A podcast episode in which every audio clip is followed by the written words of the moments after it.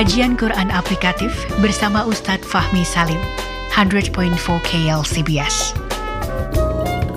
Assalamualaikum warahmatullahi wabarakatuh. Sahabat tafsir Quran yang dirahmati Allah Subhanahu wa taala. Kajian kita ingin menelusuri dan mengintrospeksi diri kita. Sudah sejauh apa tatkala kita membangun keluarga, tatkala kita memutuskan untuk menikah? Apakah hanya untuk memuaskan hawa nafsu? Apakah niat kita sudah benar? Apakah niat kita untuk beribadah kepada Allah Subhanahu wa taala?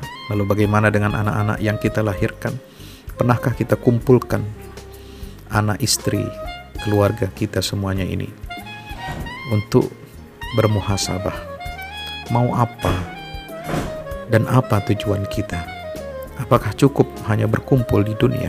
Visi keluarga yang paling indah disebutkan dalam Al-Quran adalah ketika satu keluarga itu memiliki tekad yang sama.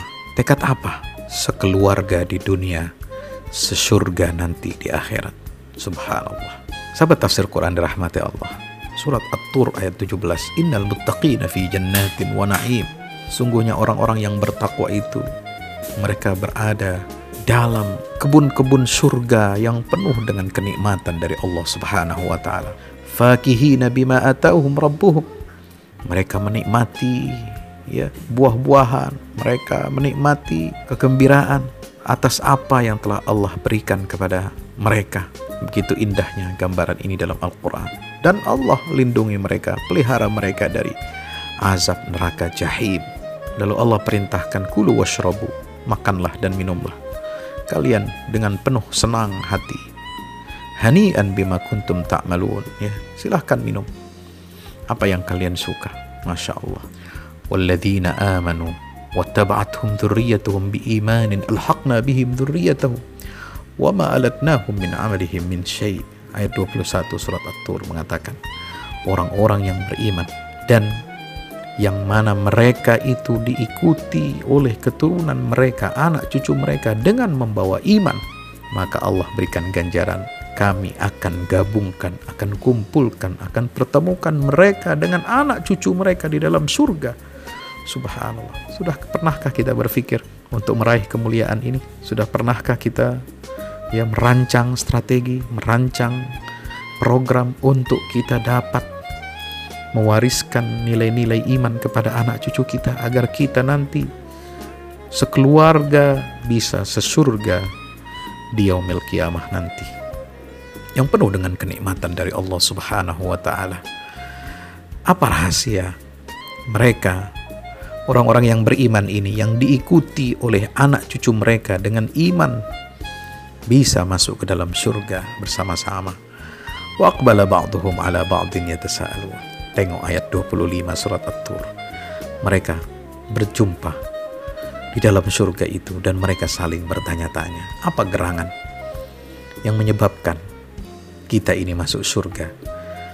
Ya, bersama keluarga kita. Anak bertemu orang tuanya, orang tua bertemu dengan anaknya, saudara ketemu saudara ketemu dengan kakeknya, neneknya, bertemu dengan pamannya, bertemu dengan semuanya. Subhanallah. Mereka saling bertanya-tanya, apa penyebab Qalu jawabannya Inna kunna qablu fi ahlina musfiqin Dahulu kami di dunia ini senantiasa menanamkan rasa takut kepada Allah subhanahu wa ta'ala di dalam keluarga kami. Inna kunna qablu fi ahlina musfiqin. Inilah kunci kebahagiaan. Kunci kedamaian. Kunci puncak daripada kesenangan hidup di dunia dan di akhirat. Manakala kita nanti akan mengingat. Ya kita akan mengingat dan menjadikan ini sebagai reuni keluarga di dalam surga. Dan kita menjawab pada saat itu nanti dengan izin Allah ketika kita semua masuk ke dalam surganya Allah. Karena berhasil menanamkan nilai-nilai iman ya ke dalam diri anak cucu kita keturunan kita.